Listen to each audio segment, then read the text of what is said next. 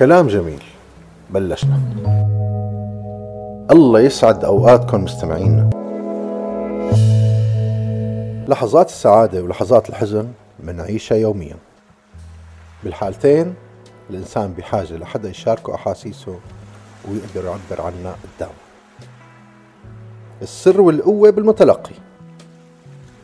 قادر يسمع ويتفاعل ويساعدك بالحالة ولا لا؟ القوة. والحاجة الأكبر لوجود المتلقي وقدرته على مساعدتك بحالة الحزن لأنه بحالة السعادة بكفي إنه يبتسم لك ليشاركك فرحتك ويفهمك إنه سعيد من شأنه. بس أنت بحالة الحزن بحاجة لخبير يقدر يسمعك ويعرف يستخدم لغة وجمل ومفردات مدروسة ومصفوفة باحترافية ليخفف عنك حزنك وعيشك بجو مختلف. ويشيل همومك عنك ويقدر يطلعك من حالة حزنك بوقت قياسي.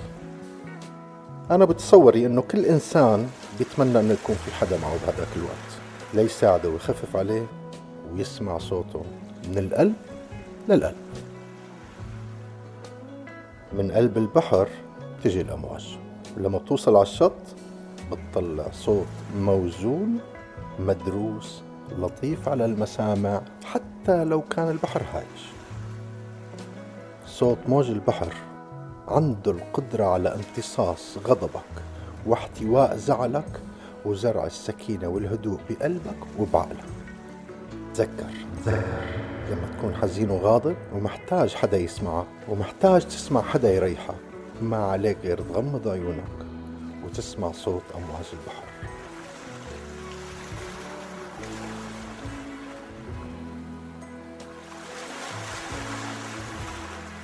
وشوف قديش تأثيرها وصدقها ووزن وتناسق موسيقاها راح يريحك وتأكد أنه راح تمر حالة الزعل بسرعة. وراح يحمل البحر كله.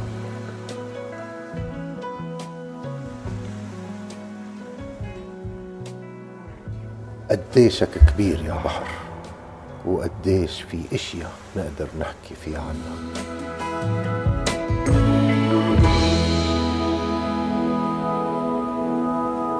بكلام جميل كنت معكم جميل القرن